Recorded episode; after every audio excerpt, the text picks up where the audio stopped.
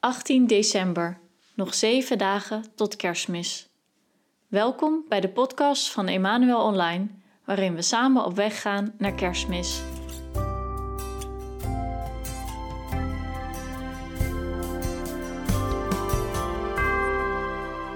Vandaag staan we stil bij misschien wel de grootste gebeurtenis uit de geschiedenis. Misschien zelfs wel groter dan kerstmis. Het moment dat de engel aan Maria vertelt dat ze zwanger zal worden van de Zoon van God. Dit is het moment dat God mens wordt, net als jij en ik.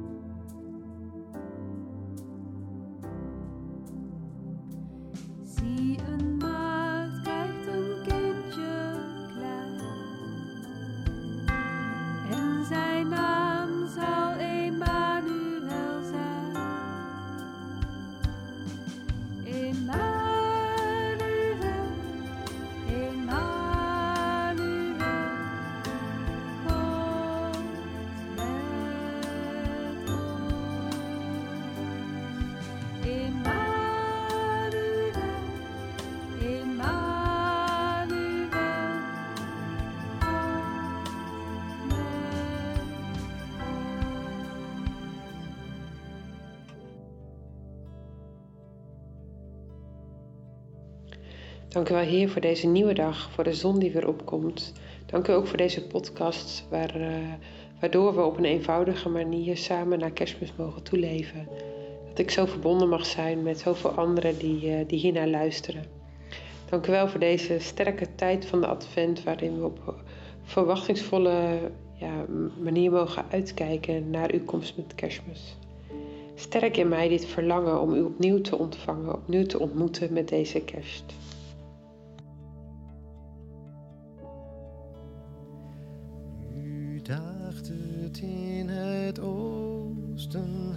Licht schijnt overal. Hij komt de volken troosten, die eeuwig heersen zal.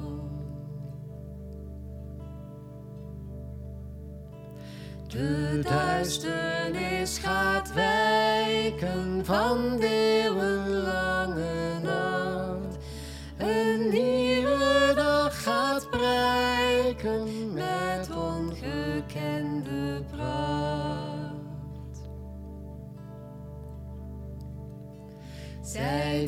verbonden zaten in schaduw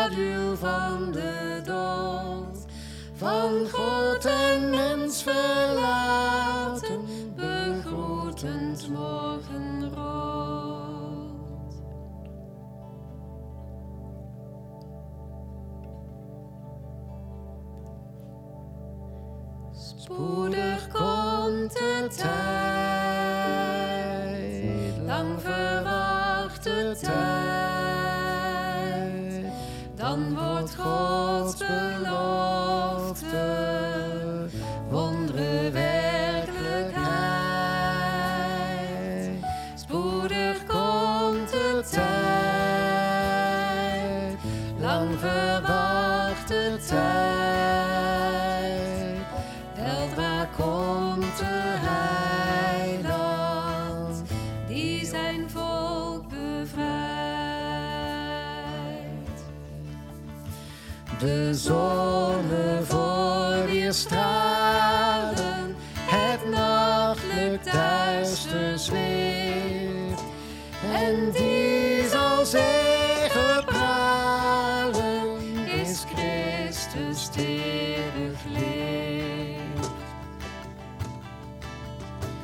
Reeds daagt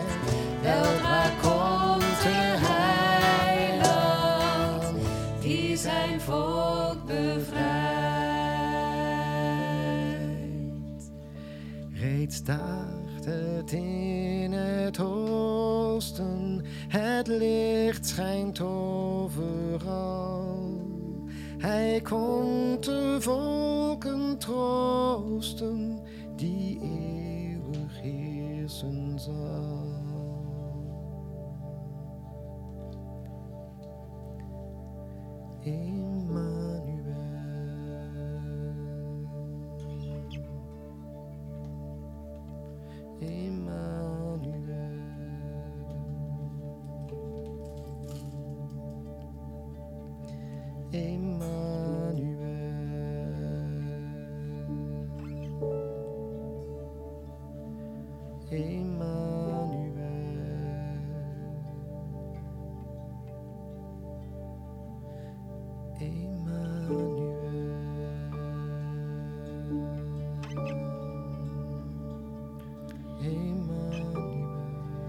Daarom geeft de Heer zelf u een teken.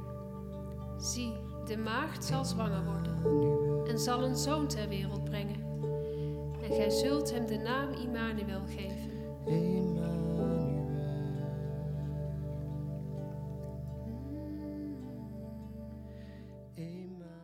Uit het Evangelie volgens Lucas, hoofdstuk 1. In de zesde maand zond God de engel Gabriel naar de stad Nazareth in Galilea, naar een meisje dat was uitgehuwelijkt aan een man die Jozef heette, een afstammeling van David. Het meisje heette Maria. Gabriel ging haar huis binnen en zei: Gegroet Maria, je bent begenadigd, de Heer is met je. Ze schrok hevig bij het horen van zijn woorden en vroeg zich af wat die begroeting te betekenen had. Maar de engel zei tegen haar: Wees niet bang, Maria. God heeft je zijn gunst geschonken. Luister, je zult zwanger worden en een zoon baren, en je moet hem Jezus noemen. Hij zal een groot man worden en zoon van de Allerhoogste worden genoemd. En God de Heer zal hem de troon van zijn vader David geven. Maria vroeg aan de engel: Hoe zal dat gebeuren? Ik heb immers nog nooit gemeenschap gehad met een man. De engel antwoordde: De Heilige Geest zal over je komen en de kracht van de Allerhoogste zal je als een schaduw bedekken. Daarom zal het kind dat geboren wordt heilig worden genoemd en zoon van God. Maria zei: De Heer wil ik dienen. Laat er met mij gebeuren wat u hebt gezegd. Daar zit ze dan, een jonge vrouw, niets vermoedend. En er komt een engel binnen. Stel je dat eens voor. Engel, boodschapper. En deze engel heeft niet zomaar een boodschap van God. Nee, hij is blij en dat zegt hij ook. Ha, lieve Maria, wees blij, want God is bij jou. Wat een vreugde moet er in de hemel zijn dat dit moment is aangebroken. En Maria, die houdt zich ondertussen bezig met de praktische kant van de zaak. Ze stelt geen vragen over, ik zeg maar even iets, zoon van God, troon van David, een koningschap zonder einde. Nee, hoe dan? En die lieve engel wil dat best eventjes uitleggen hoor, maar laat dan wel doorschemeren dat God een God van wonderen is. Ondertussen is haar onvruchtbare nicht zwanger. Dat je het even weet hoor, Maria, voor God is niks onmogelijk. Tja, en dan zegt Maria, die niet alleen koningin van de hemel is, maar schijnbaar ook van simpele, doeltreffende waarheden. Ik ben de dienstmaagd van de Heer. Laat het gebeuren zoals u het zei. God wachtte. Hij wachtte op dat antwoord. We hebben de afgelopen weken al vaker gezien dat het steeds God is die de eerste stap zet. Hij is als een vader in de deuropening om te wachten of wij binnen willen komen. Maar hier is het andersom. Hij neemt wel de eerste stap, maar dan vertelt hij zijn plan aan Maria. Hij is afhankelijk van haar antwoord. En met haar ja verandert de hele wereld. Hoe bizar is dat? Die breuk tussen God en de mens wordt hersteld. God is naar ons mensen toegekomen omdat Hij van ons houdt. En in liefde, onvoorwaardelijke liefde, is geen ruimte voor angst. Er is geen ruimte voor voorbehouden. Maria houdt van God en God houdt onvoorwaardelijk van Maria. Maria heeft geen idee hoe God zijn plan wil uitvoeren. En eerlijk gezegd denk ik niet dat de uitleg van Gabriel het nou echt verhelderde.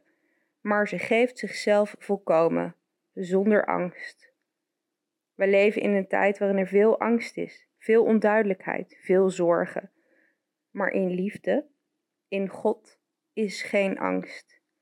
En ik hoop dat wij juist vandaag kunnen nadenken over de angsten, de voorbehouden die ons kunnen tegenhouden om ja, in volkomen overgave te kunnen zeggen tegen God. Veni, veni, Goedendag, ik ben Peter Jansen. Ik wil iets vertellen over wat het voor mij betekent dat God mens is geworden. Van de week kreeg ik een folder in de brievenbus. Er stond op, was van een politieke partij, stond op, laten we in gesprek gaan. En ik dacht me, ja, zo zie ik Jezus. Als God die zijn zoon naar ons toestuurt om tegen ons te zeggen, laten we in gesprek gaan. Hij wil dat ik met hem spreek. Niet van ver, ver weg uit een wolk, maar gewoon dichtbij. Daar waar ik ben, zeg maar, in mijn wereld. Ik moest ook denken aan ehm, Don Camilo. Dat is een eh, filmserie over een parochiepriester. En die, eh, het is in een tijd van uh, in de dorpjes christendom en, ehm, en communisme. Dat botst nog wel. En hij heeft, die priester die heeft een, een kruisbeeld hangen in zijn kerk. En daar spreekt hij af en toe mee. En dan hoor je ook dat kruisbeeld spreken. Dat is heel grappig. Echt een aanrader voor wie hem nog niet kent. Um, ja, zo, zo stel ik me dat voor. Gewoon spreken met God. Een aantal maanden geleden liep ik ook uh, ik liep op, uh, op een dag naar werk. Langs een aanbiddingkapel, daar werkte ik vlakbij. Ik had niet zo'n zin om naar binnen te gaan die dag. En normaal ging ik altijd even naar binnen. Niet heel lang, gewoon even... Hallo, daar ben ik weer, zeg maar. En um, gebedjes voor die, voor die dag, voor de dingen die ik zou gaan doen... voor de mensen die ik zou ontmoeten.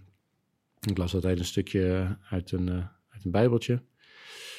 Uh, maar die dag, ik had er niet zo'n zin in. Mijn kantoor was 20 meter naast die kapel. Dus ik zette mijn computer aan om te gaan werken. Er was geen stroom. Was niet in Nederland hoor. Um, dat gebeurde wel vaker daar. Nooit langer dan twee minuten. Zoiets. Dus ik wachtte even tot de stroom terugkwam. En uh, na vijf minuten schoot me te binnen van... ik ben nog niet in die aanbiddingskapel uh, geweest. Misschien dat, dat God erachter zit. Dat hij wil dat ik graag terugkom naar de kapel. Ik dacht, nee, ja, dat, gekkigheid. Dus ik wachtte nog langer. Na tien minuten zei ik tegen God: Oké, ik kom naar de kapel. En uh, na een momentje van aanbidding ben ik teruggegaan naar mijn kantoortje. Stroom was weer goed en de rest van de dag geen problemen. Dat was even zo'n moment dat Jezus, die in die kapel was, die riep mij en hij zei: laten we in gesprek gaan.